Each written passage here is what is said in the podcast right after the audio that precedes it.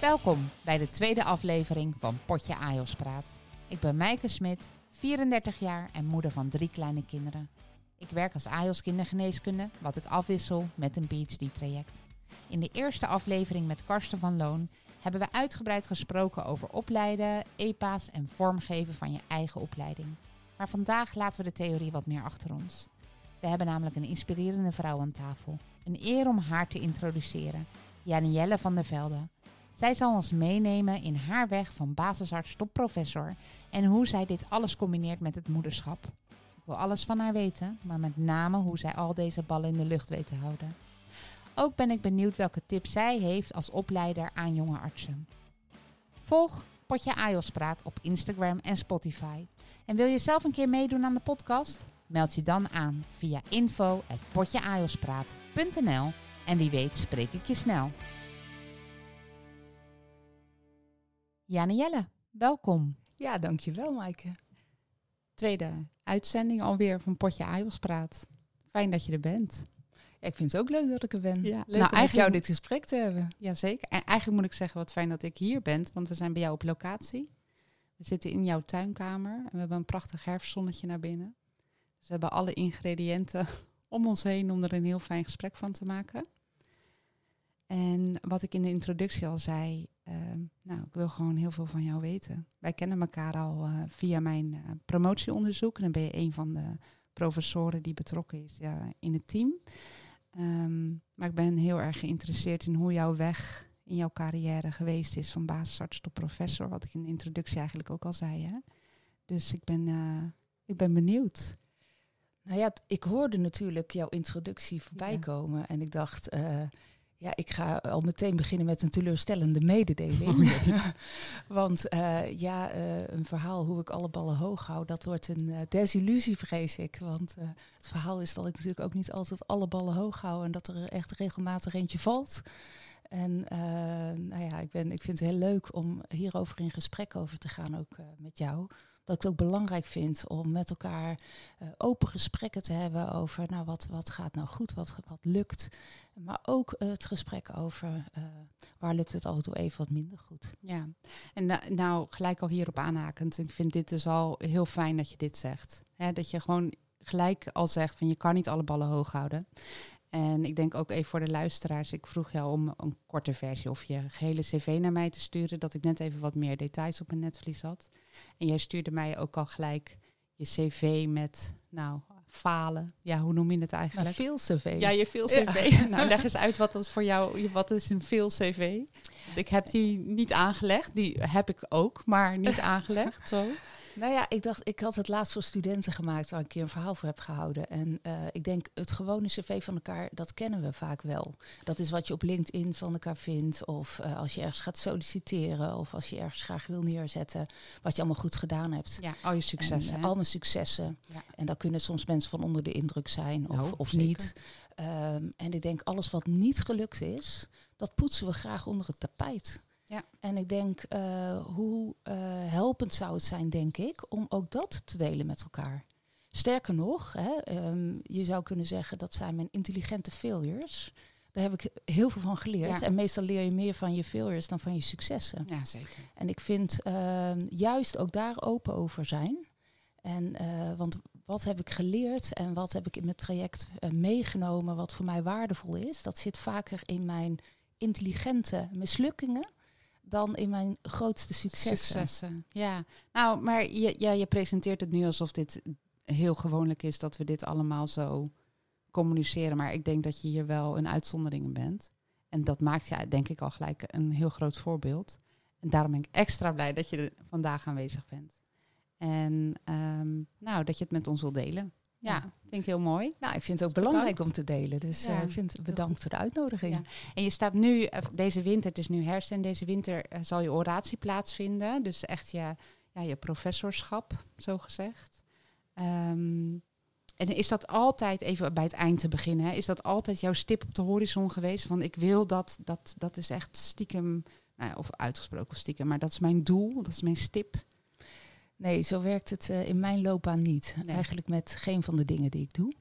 En ik geloof er heel erg in dat je die dingen moet doen die je leuk vindt om te doen, waar je energie van krijgt, uh, die dicht bij je liggen. Of misschien juist de dingen waarvan je zegt van dat kan ik nog niet zo goed, maar dat wil ik graag leren of dat wil ik graag uitproberen of ik dat ook kan. Ja. Ik denk die dingen moet je vooral gaan doen. Ja. En uh, natuurlijk weet ik dat er ook collega's zijn die er een hele um, loopbaanplanning op nahouden. Ja. Maar dat is niet mijn strategie. Nee, dus het is niet een, een soort tienjarenplan van en uiteindelijk, uh, nou ja, professor zal het ultieme doel zijn. Dat zo heb jij dat niet gehad? Nee, en nee. Uh, ik heb dit ook heel lang niet zo voor ogen gehad dat ik deze rol zou gaan doen. Um, dus ja, um, dingen kom je, komen op je pad soms. Hè, en dan kun je voor kiezen om daarvoor te gaan, om ze aan te grijpen en daar vol voor te gaan. En dat heb ik op een aantal momenten gedaan. En um, ja, ik denk echt vooral je hart volgen en de dingen die je leuk vindt doen. Ja, ja.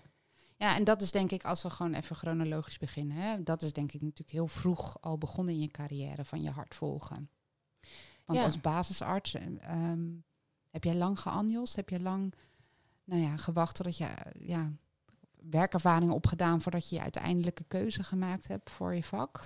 Nou, ik wil, wist eigenlijk tijdens de kooschappen of tijdens de basisopleiding tot uh, arts uh, wel van nou, ik vind kindergeneeskunde echt heel erg leuk. Ja. Dus ik wil daar graag me meer in verdiepen. Um, nou ja, en toen ben ik een iemand gaan opzoeken die ik kende vanuit uh, mijn vrije tijd sportsleven, die kinderarts was en gezegd van goh, kan ik niet iets een keer met jou doen? Want ik, het, lijkt, het lijkt me heel leuk om kinderarts te worden en ik zie dat wel voor me voor later. En toen was je nog student? Toen was ik nog student. Oh ja, echt nog geneeskundestudent? Geneeskundestudent. Ja, heel assertief. Ja, en uh, toen ben ik een klein onderzoekje gaan doen met die persoon. Was heel grappig nog in die tijd. Uh, toen hadden we, ja, ik klink nou echt als een oude doos, maar we hadden nog niet zoveel met computers en EPD's en zo. Dus ik had gewoon Excel-bestand, of niet een Excel-bestand, een papierwerk met oh, allemaal joh. tabellen met alle uitkomsten van alle resultaten van die patiënten. En dan gingen we dan uh, analyses op doen. Maar allemaal op papier.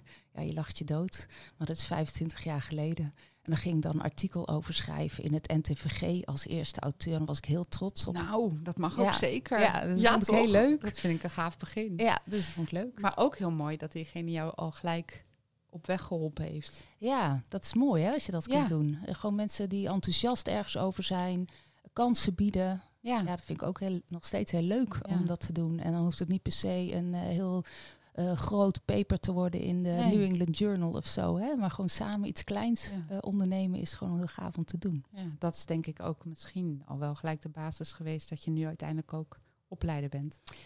Nou, dat is meteen wel een interessante vraag hoor. Want ik, um, wat ik net zei, van de dingen doen die ik leuk vind. Hè? Ja. Um, ik heb heel lang niet zo heel goed over nagedacht waarom ik de dingen deed die ik deed. Ik rolde ook wel heel vaak een beetje van het een in het ander. -hmm. Dus ik ben uh, vanuit mijn wetenschappelijke stage, dat was een project op de neonatologie, maar dat project was nog niet af na mijn stage. Toen ben ik daar als ANIOS neonatologie begonnen, zodat ik ook nog aan dat onderzoek kon werken. En dan voordat ik het wist, had ik niet één projectje, maar twee of drie. En toen zei mijn begeleider, goh, daar kun je misschien wel op promoveren. En toen dacht ik, oh ja, dat, dat klinkt als een fluitje van een cent. Dat was het natuurlijk niet. Nee, uiteraard niet. Komt je bekend in de ja, oren misschien. Ja. Dus ik rolde eigenlijk zo een beetje van het een in het ander. En um, ja, eigenlijk wist ik tijdens mijn hele opleiding altijd wel wat voor dingen ik te doen had. Hè. En... Um, ja, en dat opleiderschap is eigenlijk pas veel later gekomen. En toen ik eenmaal, ik was op een gegeven moment kinderarts en ik was gepromoveerd en ik was endocrinoloog. En ik weet nog dat ik toen op een moment stond dat ik dacht, ja, en nu? Oh ja. Nu ben ik hier heb ik staflid in het Radboud. Ja, en wat wordt nou mijn grotere doel? Hè? Ik heb de opleidingen die ik, uh, die ik wilde, die heb ik gedaan. Ja. Dus ik heb toen echt ook een tijd op een soort van kruispunt gestaan dat ik het eigenlijk niet zo goed wist. En toen misschien pas echt gaan nadenken van wat wil ik dan nu verder? Ja, en dat vond ik best wel ingewikkeld. En ik gebruik dit voorbeeld wel eens voor uh, mijn opleidelingen ook. Hè, want, want ik merk bij veel AIOS en misschien ook bij veel co-assistenten... dat je altijd denkt van, goh, ik moet het nu al weten. Ja. Ik moet weten wat ik straks uh, wil gaan doen... en welke niet-klinische kerntaken of profiel ik wil gaan doen.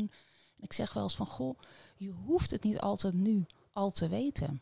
Je kunt ook gewoon rustig eens afwachten en kijken wat er op je pad komt. Of is gewoon wat dingen gaan uitproberen. Kijken of je het leuk vindt. Het niet dat je nu al voor vijf jaar vooruit hoeft te bedenken dat nee. je keuzes die je nu maakt voor je hele loopbaan bepalend zijn. Nou, ik denk dat dit al een hele goede boodschap is. Want want ik denk ook voor geneeskundestudenten die bij hun kooschappen uh, nog zoekende zijn, dat die ook vaak het gevoel hebben van jeetje, ik moet al weten welke kant ik op wil. En ik moet al weten of ik wel of niet wil promoveren. En of ik voor chirurgie of dermatologie moet kiezen. Of, ja. En ik denk dat dat ook voor veel stress zorgt. Nou, ik denk als je voor jezelf goed nagaat van waarom wil ik een bepaalde stage of um, ervaring opdoen. Wat is mijn verhaal daarbij? Het gaat er heel erg over dat je je verhaal kunt overbrengen. Van de week had ik een gesprek met een co-assistent die inderdaad aan mij vroeg... Goh, ik, ik denk dat ik misschien wel kinderarts wil worden, maar ik weet het nog niet zeker. Maar welke stappen moet ik dan gaan doen? Ja. En toen zei ik van, goh, wat voor dingen vind je nou leuk? En toen hadden we het een beetje over... Ehm, ja, je kunt een stage nog doen in de jeugdgezondheidszorg bijvoorbeeld. Want preventieve zorg is natuurlijk ook voor de kindergeneeskunde wordt steeds belangrijker. Je kunt een stage doen in de kindergeneeskunde, in de genetica. Het maakt eigenlijk niet, niet zoveel uit. Uh, als je maar voor jezelf goed kan uh, van, ja, omvatten of bevatten van waarom kies ik deze dingen. Waarom heb ik hiervoor gekozen? Ja. Als je het maar kan uitleggen. Ja. En soms komen ook wel aanjossen naar me toe die zeggen van goh, ik wil een opleiding komen voor kinderarts, maar dan moet ik natuurlijk wel een bepaald profiel, moet ik een bepaalde richting. En dan denk ik altijd, ja, dat kan. Hè, als je echt passie hebt voor uh, management of voor onderwijs of voor ethiek, ik noem maar wat, waar je helemaal voor wil gaan, dan, dan moet je dat daar je hart in volgen. Ja. Als je zegt van nou, ik ben iemand, uh, ik wil eigenlijk nog heel verschillende dingen ervaren. Ik ga eens een project doen in kwaliteit of ik ga eens een keer onderwijs geven ergens voor. Want ik wil gewoon al die dingen um, geproefd hebben en weten waar uh, mijn hart het meest naar uitgaat. Dan heb je ook een goed verhaal. Ja, ik vind het een hele mooie boodschap die je nu geeft, maar ik heb het gevoel dat dit niet de praktijk is.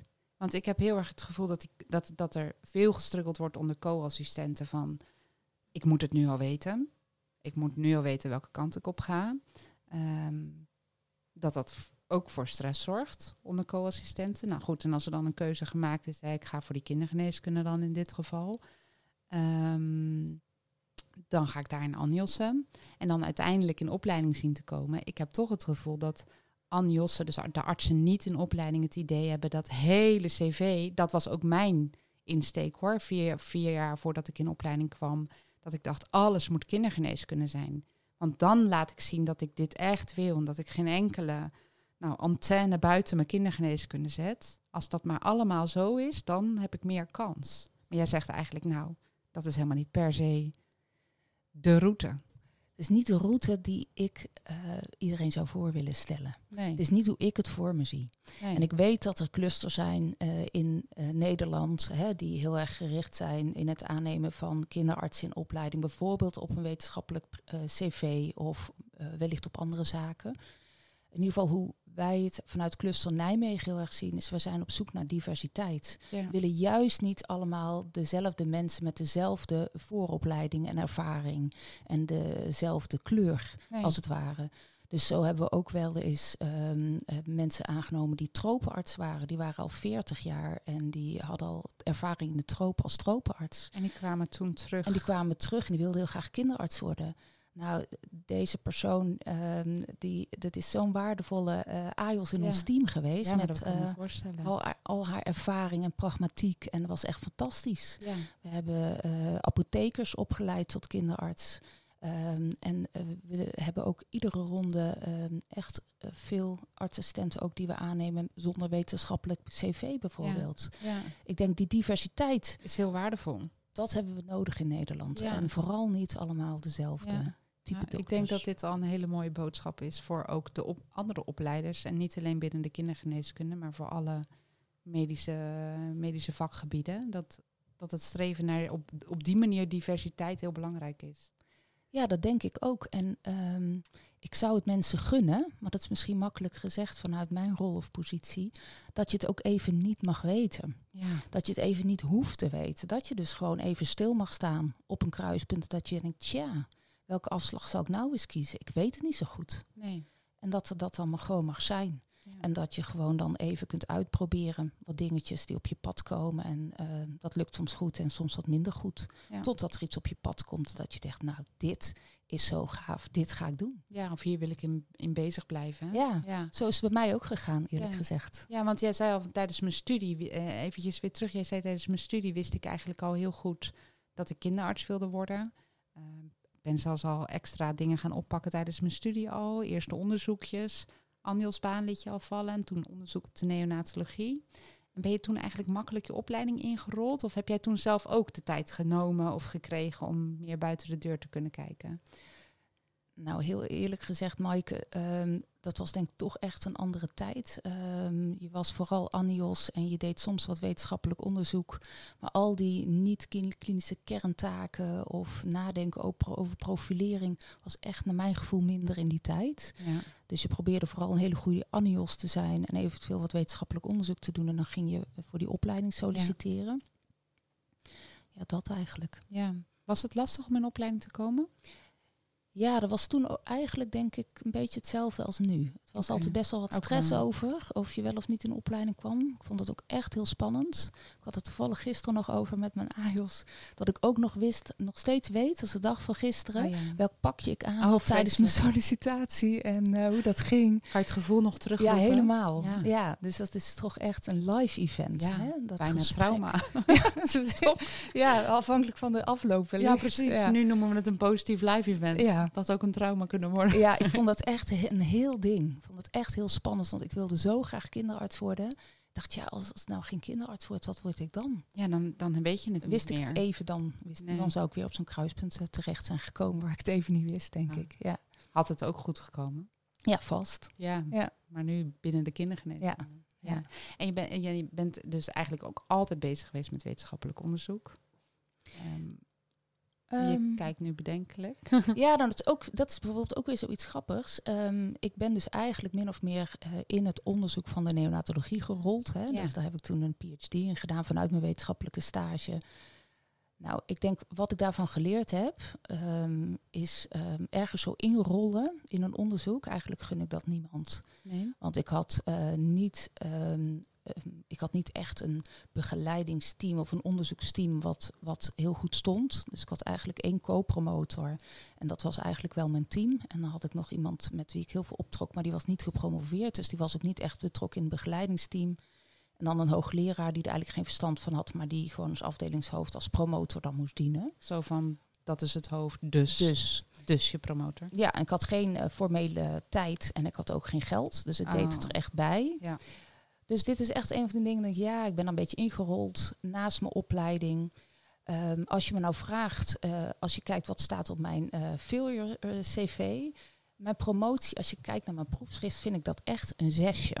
Oh ja. En als je me nou vraagt hoe trots ben ik op dat ik het bereikt heb, hè, als je het vergelijkt met, eh, ja, ik deed het eh, in mijn eigen tijd, eh, naast mijn baan als ANIOS en als AJOS. En op een gegeven moment was ik, ik ben gepromoveerd toen ik net mijn derde kindje had gekregen. Dus ik was trots op dat me dat allemaal gelukt was. Nou, Als je dan kijkt naar de inhoud, was het geen tien.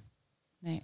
En ik denk, nou ja, oké. dat vind je lastig. Nou, nee, eigenlijk niet eens meer. Ik denk, nou, dat was dan zo. Oké, dit is geen tien. Dit is dan een zes.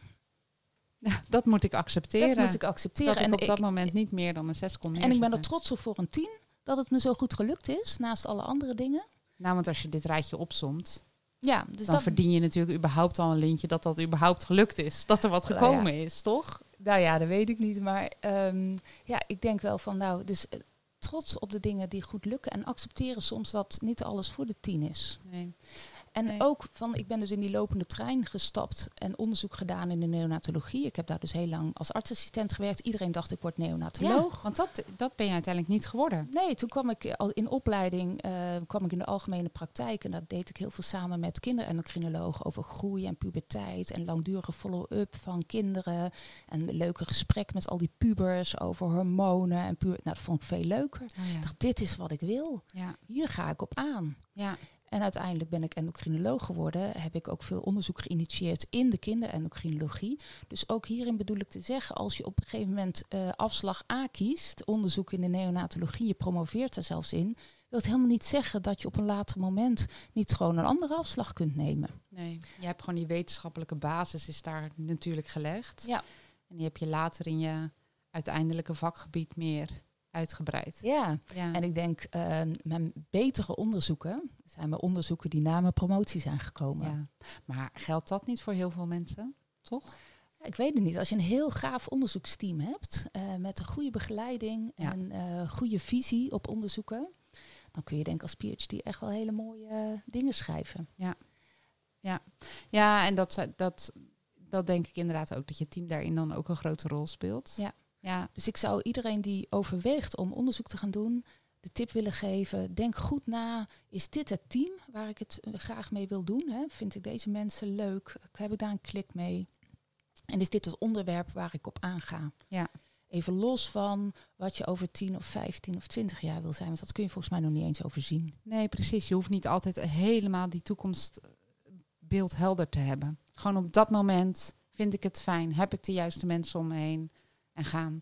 En, Ja. en ik denk een andere heel belangrijke tip die je hebt gegeven. Soms is het in je leven even een zes op Ja. een bepaald vlak. Dat is waar, hè? Ja. Ja. Dat vind ik zelf ook ingewikkeld. Ja? Ja. Wat vind je daar ingewikkeld aan? Ja, je wilt toch dingen graag goed doen, hè? Dat zit dan toch, Ja. nou, in onze aard. Ik durf wel te zeggen dat veel collega's met mij dit zullen herkennen. Ja, toch dat je als AIOS wil je het goed doen. Je wil de juiste, de beste arts aan bed zijn. En je wil, nou ja, in je privé, in je werk, ja, Ja. je wil toch graag de ballen hoog houden. Het is best een struggle, hè? Ja, je Ja. wil die tien zijn, hè? Ja, je wil die tien zijn. Hm, ehm, ja, nou, dat heb ik. Ja, ik denk, ik dacht daar denk ik nooit zo heel erg over na. Ehm, dat is bij mij pas echt de laatste vijf jaar gekomen, denk ik, dat ik echt meer over dingen na ga denken. Of eh, die kwetsbaarheid ook veel meer voel. Dat had ik denk ik toen ik AJOS of toen ik net staflid was wat minder.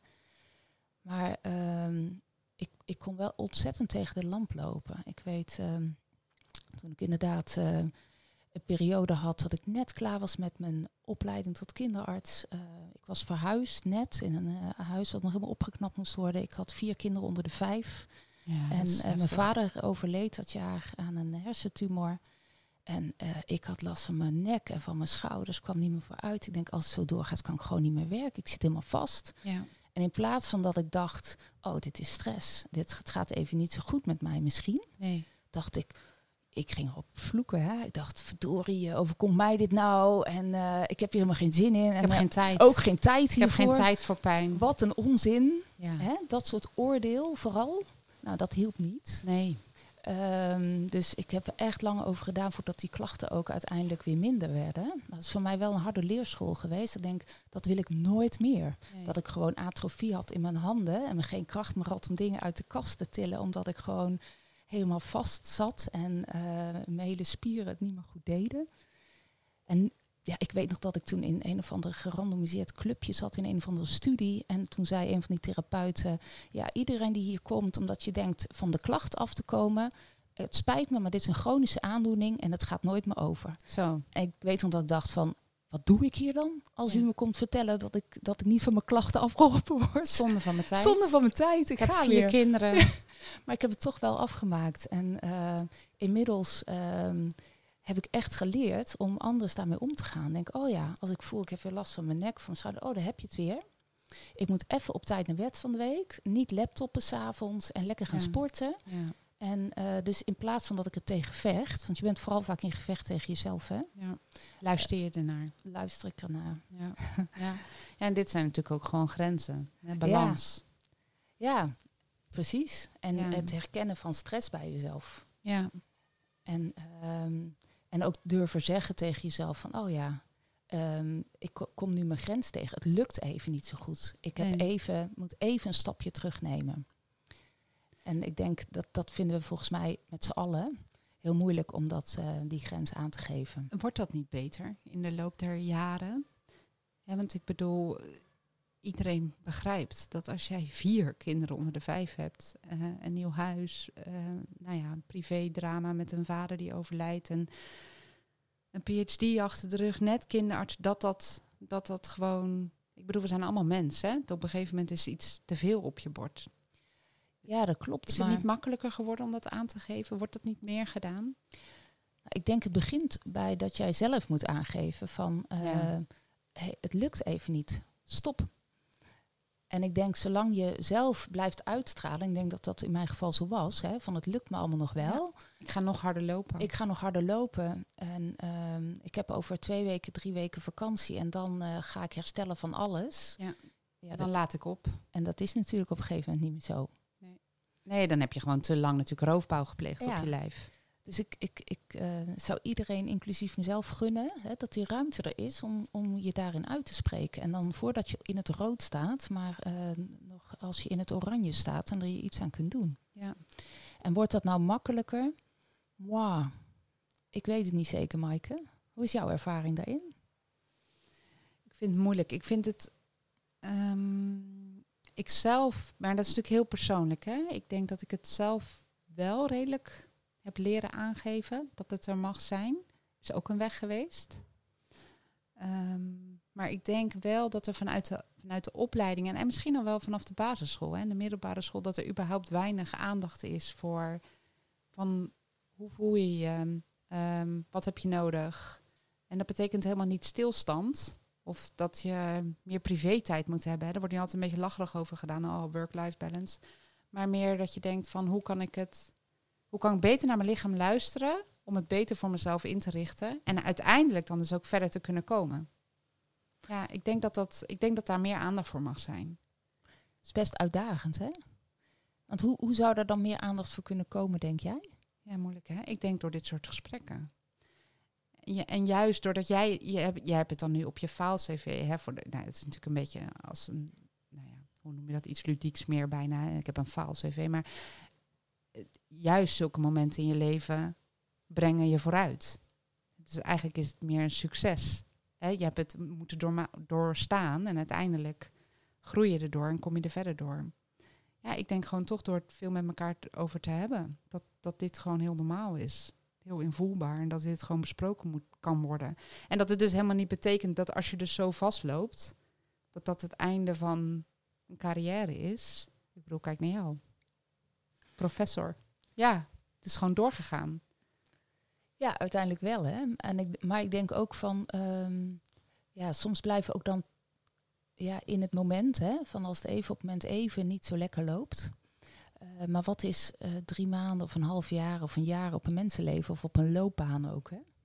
Nee, we moeten het ook niet dramatischer maken dan dat het is, Ja, zeg maar. nou ja, ja. Het is gewoon een, een bepaalde periode in je leven waarin je dat Het hoort er soms bij, hè? ja, moet je, doorstaan. ik had je laatst die podcast eh, gestuurd over het leven is een zeven, als Ja. je geluk hebt. Ja, Nou, die ik is vind mooi. dat zelf een fantastische podcast. Goeie tip, luisteraars. Ja, goeie het tip. leven is een zeven. Ja. Als je geluk hebt. Als Ja. je geluk hebt. Ik vind een hele mooie podcast. Nou, ik vind de titel al geweldig. Ja, zo ja. Ja, Soms zit het mee en soms zit het tegen. Ja. That's life, toch? soms is een zeven gewoon helemaal dikke prima. Ja, helemaal dit mag je geluk hebben. Ja, En ik denk door alle socials en dat soort dingen, ehm, ja, zijn we gewend om elkaar alleen maar de achters en de negens te laten zien. ja, En nou ja, daar protesteer ik een beetje tegen. goed zo. Ja. Ja, Ajos zullen heel blij zijn met jou als opleider. Soms. Ja. Soms. ja, Misschien moet je de volgende potje Ajos praten met een Ajos. Oh, hoe bevalt het nou? Ja. Ja, hoe Ja. gaat dit nu? Ja. Ja, ja. goed. Hey, en ehm, ik ben zelf heel erg benieuwd. Deze fase ben jij heel succesvol doorgekomen. Want je hebt uiteindelijk weer de draad weten op te pakken. En nou ja, ehm, als kinderendocrinoloog ben je gewoon werkzaam in een universitair ziekenhuis. En uiteindelijk heb je gekozen voor het opleiderschap. En dat zei je net al, dat was niet per se een heel erg plan. Het was meer een punt dat ik dacht... Nou, ik ben hier nu. En nu? Wat ga ik, waar, waar ligt mijn volgende passiepunt? Hè? Toch wel weer dat doorgaan. Hè? Dat zit er dan denk ik toch ook wel weer in. Eh, en toen kwam het opleiderschap. Ja. Eerst als ehm, soort invaller, hoe noem je dat? Een Ja, soort plaatsvervangend opleiden. plaatsvervangend opleider, dat Ja. bedoel ik. En uiteindelijk ben je dan de echte opleider geworden. Nou, ik weet het moment nog heel goed, want dit was dus, ik stond een tijdje op dat kruispunt. En ik heb ook wel wat dingen gedaan en uitgeprobeerd in die periode met wisselende succes. En eh, ik weet nog dat mijn vorige opleider, Jos Drijsma, naar mij toe kwam en die zei van... Goh Janielle, ik zoek een nieuwe plaats van het opleider. Is dat niks voor jou? Dat vind ik wel een hele eer, toch? Als iemand zo naar je toe komt. Ja, en ik dacht, oh, eh, ik, had, ik had er oprecht nog nooit over nagedacht. Hè? Over carrièreplanning gesproken of zo. Ik dacht, goh, ja, nou je het zegt. Ja, zou best eens kunnen. Klinkt best leuk. Ja. Klinkt interessant. Ja. Ehm, nou, ik denk dat ik dat wel wil, eh, wil gaan doen. En ehm, nou, ik ben daar toen ingestapt. En ik dacht, wauw, dit is, dit is echt gaaf om te doen. Dit is leuk, hier krijg ik energie van. En dat was ook meteen dus het moment waar ik uh, mijn kruising overstak en dit pad ging bewandelen. Ja. En vanaf het moment dat ik dat opleiderschap ben gaan doen, heb ik gedacht van ja, dit is waar ik blij van word. Ja. Hoe gaaf. En, wat, en wat, wat is dan hetgeen wat je zo blij maakt als opleider? Is het echt het begeleiden van de AIOS, de gesprekken? De, wat, wat, waar zit het hem dan in? Ja, ik vind het dus echt heel mooi dat je een tijdje mee mag lopen met, met een collega, met een AIOS, mee mag leven, ehm, mee mag denken, mee mag doen. Uh, dat vind ik heel waardevol. Daar word ik echt blij van. Ja. Ja, en dat zijn natuurlijk ook vaak hele intensieve jaren. In die jaren van het AIOS-schap zijn natuurlijk ook vaak perioden waarin kinderen geboren worden, waarin carrièrekeuzes worden gemaakt. Ja, er gebeurt altijd van alles in die levensfase. huizen, ja. Ja, en uh, ja, de, mensen die gemakkelijk door de opleiding lopen, maar uh, bijna alle AIOS komen ook wel strubbelingen tegen. Hè? Dat delen jullie niet altijd allemaal met elkaar, maar ik kan jullie wel vertellen als opleider dat bijna iedere AIOS wel zijn struggles heeft, of het niet allemaal in één keer gaat of ja. um, tegenvallers krijgt soms op stages die net niet helemaal uh, lekker lopen.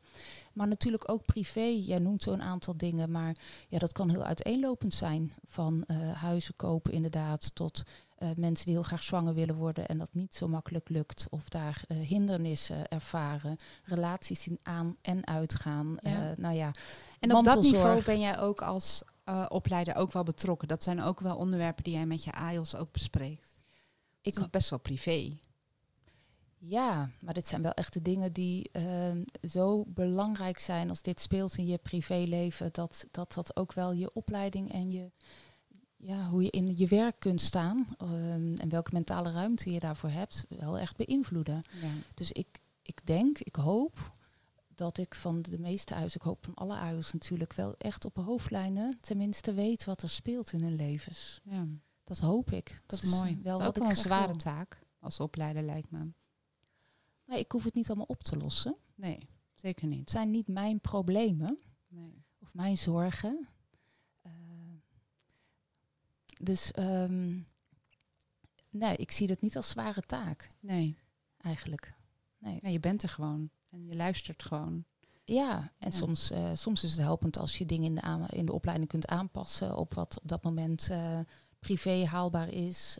Um, ja, en nogmaals, we delen ook heel veel leuke uh, events samen natuurlijk. Er, gebeurt, er gebeuren ook heel, ook heel, veel, veel leuke dingen natuurlijk. En ja. successen. En nou ja, dat vind ik dus echt ja. gaaf om te mogen doen. Ja, want hoeveel jaar ben je nu echt opleider?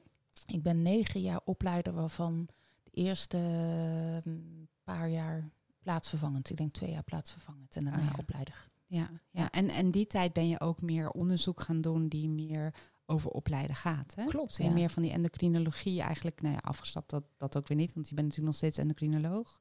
Maar meer onderwijs, opleidingsminded onderzoek. Ja, dat klopt. Was ook een hele omschakeling. Want uh, het, het, onderzoek wat ik deed en nog steeds wel doe in het medische domein is natuurlijk heel erg kwantitatief onderzoek. Ja. En onderzoek naar opleiding is natuurlijk heel erg kwalitatief onderzoek. Een hele andere manier van werken en doen. Als het gaat over een leven lang leren, dacht ik, uh, hoe moet dat met al die interviews en transcriberen en coderen? Uh, ik had er eigenlijk geen verstand van. Dus, is heel anders. Heel anders. Dus ik ben net als jij gewoon op cursus gegaan en ik heb uh, gestudeerd erop en uh, uitgeprobeerd. En vooral uh, mensen om je heen zoeken die het al wel echt in de praktijk vaker gedaan hebben en die dingen kunnen die jij niet kunt. En daarmee samenwerken. Ja. En je heel leerbaar opstellen ook ja. weer, nog steeds. Maar dat is ook leuk, toch? Ja, en gewoon aangeven dus van, Ja. hey, Ja. ik ben nieuw in dit vak. Jij niet. Ja, dus ik denk, Laten we praten. ja, en vooral mensen om je heen zoeken die, uh, ja, die dingen kunnen die jij niet kan. Ja, precies. Hey, en ik ben heel erg nieuwsgierig hoe je nou uiteindelijk in dat professorschap gerold bent. Ik weet helemaal niet hoe dat zit. Word je daarvoor gevraagd? Is er iets voor je waarvoor je solliciteert? Hoe gaat dat?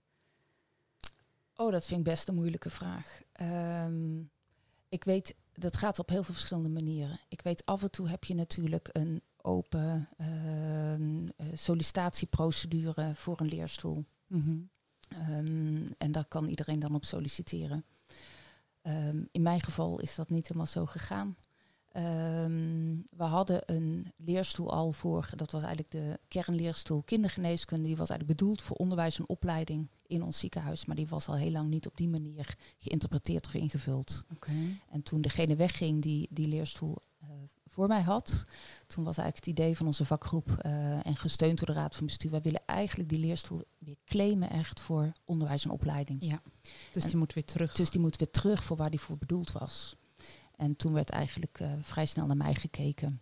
En in eerste instantie dacht ik nog van nou, dat, dat, weet, dat, weet, ik, dat weet ik niet. Um, dus, maar dat heeft ook even tijd nodig voordat je, voordat je denkt, nou ja, ik denk wel dat ik dat kan. En ik heb ook wel ideeën wat ik daarmee wil gaan doen. En uh, ik, ik, ik wil er echt wel voor gaan. Ja, dan moet het gaat me helpen. Ja, en ik denk, ik ken ook wel van mezelf, en misschien is dat een beetje vrouwen eigen, hè, dat je denkt van nou, dat weet ik nog niet hoor, want uh, ik ben nog niet zo ver. Of kan ik dat niet? kan nog niet alles wat voor zo'n functie uh, gevraagd is. Dus misschien over een paar jaar. Hè. En nou, inmiddels ken ik die, die stapjes zelf voor mezelf. Ja. En weet ik ook als ik op een gegeven moment gewoon ja zeg en ik ga het gewoon doen, kan ik dan dat? komt het wel. Ja. Want ik zoek wel hulp waar ik het niet kan of waar ik het nog niet weet.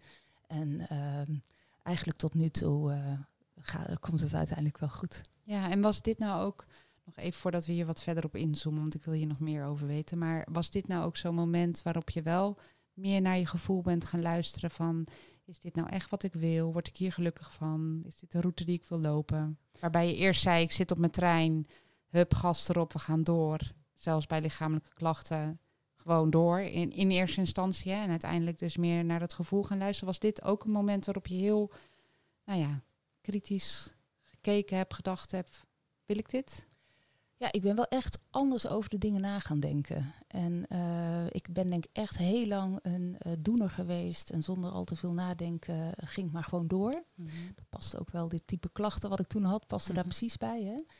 Maar de afgelopen vijf jaar is er privé bij mij heel veel gebeurd. En uh, ja, heb ik veel meer kwetsbaarheid gevoeld. Dan denk ik, oh ja, eigenlijk zit daar gewoon veel kwetsbaarheid onder natuurlijk. En als je dat kunt uitspreken en zeggen van, goh, wil ik dit nou wel? Want uh, inderdaad, uh, werk-privé is voor mij ontzettend belangrijk. In de afgelopen jaren eigenlijk alleen maar belangrijker geworden. Ja, want je hebt vier kinderen. Ik heb vier kinderen. Ja, die tropenjaren wel voorbij. Maar alsnog, pubers hebben natuurlijk ook veel tijd en energie nodig. Ja, zeker. Het is echt een andere tijd dan toen ze allemaal nog klein waren en je ze echt alles voor ze moest doen. Hè? Maar ja, wat ik vertelde, ik ben vijf jaar geleden gescheiden. Ik heb vier kinderen. Ik heb een van de kinderen die is echt uh, heel ziek geweest de afgelopen jaren. Dus daar heb ik heel veel zorg om gehad. Dus um, ja, je gaat ook wel nadenken, ja, wat vind ik eigenlijk belangrijk? Ja. En dat moet wel in het totaalplaatje dan passen. Ja. En ook deze leerstoel is voor mij niet ten koste van uh, mijn eigen balans of ten koste van uh, mijn werk-privé-balans. Dus ik wil dat graag doen. Ik heb er heel veel zin in en ik heb er echt ideeën mee om te gaan dingen te gaan ondernemen. Maar niet ten koste van alles. Nee, en het moet wel passen. Ja, ja. Dus, Ja. en, en dat is wel ook uitdagend, hè? want waar ga je dan keuzes maken? Wat ga je dan niet meer doen? Dat moet je misschien over een jaartje me nog eens vragen. Hè? Van ja, ben ik nou mee gestopt? Dat doe ik nu niet meer. Dat, dat is natuurlijk wel, uh, ja, ik zeg ook al tegen de AIOS van ja, balans is een werkwoord. Ja. Nou ja, en wat je ook zegt, hè, waar we natuurlijk helemaal in het begin mee uh, starten, van als je zo'n introductiefilmpje hoort, dan klinkt het van jeetje, hoe doet deze vrouw dit? Maar nu we uh, nou ja, een half uurtje onderweg zijn, horen we ook dat het ook bij jou natuurlijk niet altijd uh, rechtdoor gegaan is. Ook met vallen en opstaan gegaan, en ook privéproblemen en nou ja, dingen die je liever niet had meegemaakt. Ja, Niemand gaat alleen maar rechtdoor. dat is het, hè? En ik denk het helpt als je. Ik ben een persoon die veel energie heeft, hè, dus dat helpt. Ja. Uh, ik ben een optimistisch mens. Uh, dus nou ja, daar heb je geluk mee als je dat bij je persoonlijkheid past. Ja. ja, dus die dingen helpen. En niemand gaat in één rechte lijn vooruit. En denk juist goed ook, denk ik. Want juist die detours, die, zijn, die maken het interessant. Ja, ja, inderdaad. Ja, goed dat je ze ook wil delen. Fijn. Ja. Um, nou, we hebben denk ik al heel veel besproken. Ja, wat missen we nog? Nou, ik denk toch nog wel een stukje je professorschap. Want je zegt, ik ben die leerstoel gaan doen, niet ten koste van alles. Ik heb veel meegemaakt privé. Eh, en betekent dan als je zoiets aanneemt, hè, als je dat zoiets accepteert, toch? Zo noem je dat? Ja. Dan ga je onderzoeken doen, dan maak je een plan. Of is het dan een soort PhD 2.0? Nou, eigenlijk als je zo'n leerstoel eh, aangaat, dan moet je, eh, dat noemen ze dan een ehm, eh, personal performance preview maken. Hè? Dus dan moet je Mhm. aangeven wat je in ieder geval de eerste vijf jaar wil bereiken. Ja. Op de verschillende domeinen, dus op het gebied van patiëntenzorg, onderzoek en onderwijs en opleiding. Dat is heel breed. Ja, dat is heel breed, maar je mag natuurlijk wel focussen. Ja. En ehm, ja, wat, wat, eh, dus, en daar moet je dus ook, ja, over vijf jaar moet je verantwoorden of je dan ehm, ja, hebt voldaan aan de dingen die je belooft dat te gaan doen.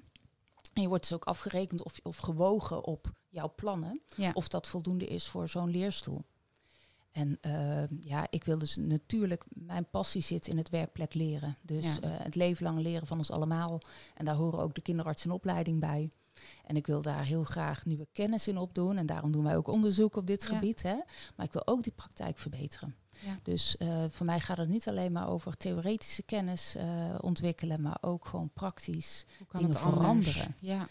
En daar hoort ook bij ehm, werken aan een stukje cultuur, gezond en veilig opleidingsklimaat en dat soort zaken. ja, mooi. En je hebt het gehaald. Of moet dat nog blijken als je echt je oratie hebt? Is dat het officiële toewijzing van je professorschap? Oh ja, grappig dat je dat zegt. Ja, ik voel het helemaal niet zo alsof ik het gehaald heb of zo. Het is, ja, het, voor mij is het gewoon een continuum. Eh, ik Gaat doe door. natuurlijk dingen en het Ja. is niet ineens dat de hele wereld verandert. En eh, ja, en ook ik ben dus niet zo heel erg bezig met alles als ik alles maar wat ik beloofd heb eh, straks afgetikt heb of zo. Nee, Zo werkt het in mijn brein niet. nee. Ik weet van mezelf dat ik over vijf jaar echt ehm, heel veel van die dingen wel eh, gedaan zal hebben. Ja, En misschien nog wel meer. Het blijft gewoon doorgaan. Het stopt Ja, niet. Nee. En als je nu zo terugkijkt, hè, de laatste jaren, is dat in, in betere of in, in harmonieuze eh werk-privé-balans gegaan met de kinderen, met de nieuwe nou ja, thuiszetting, alles wat je hebt meegemaakt? Ehm, ja, ik denk over het algemeen wel. Ik denk dat ik eigenlijk een betere werk-privé-balans heb dan eh, tien jaar geleden. Ja. Ik maak echt scherpere keuzes voor thuis ehm, dan eh, tien jaar geleden. Ja, en ik weet dat, nou ja, daar ben ik zelf ook het voorbeeld van, maar vele collega's met mij die struggelen met, nou ja, deze balans. Wat zou jij nou, hè, in retrospect is namelijk altijd alles makkelijk. Wat zou jij nou jezelf tien jaar geleden als tip hebben gegeven? Toen je meer in die tropenjaren zat? Nou, ja, het grappige is misschien ehm, als hele jonge moeder met een jong gezin Ja, Ehm, eerlijk gezegd zaten daar niet mijn grootste tropenjaren. Die Ja. zaten echt meer op die andere punten die ik je net schetste.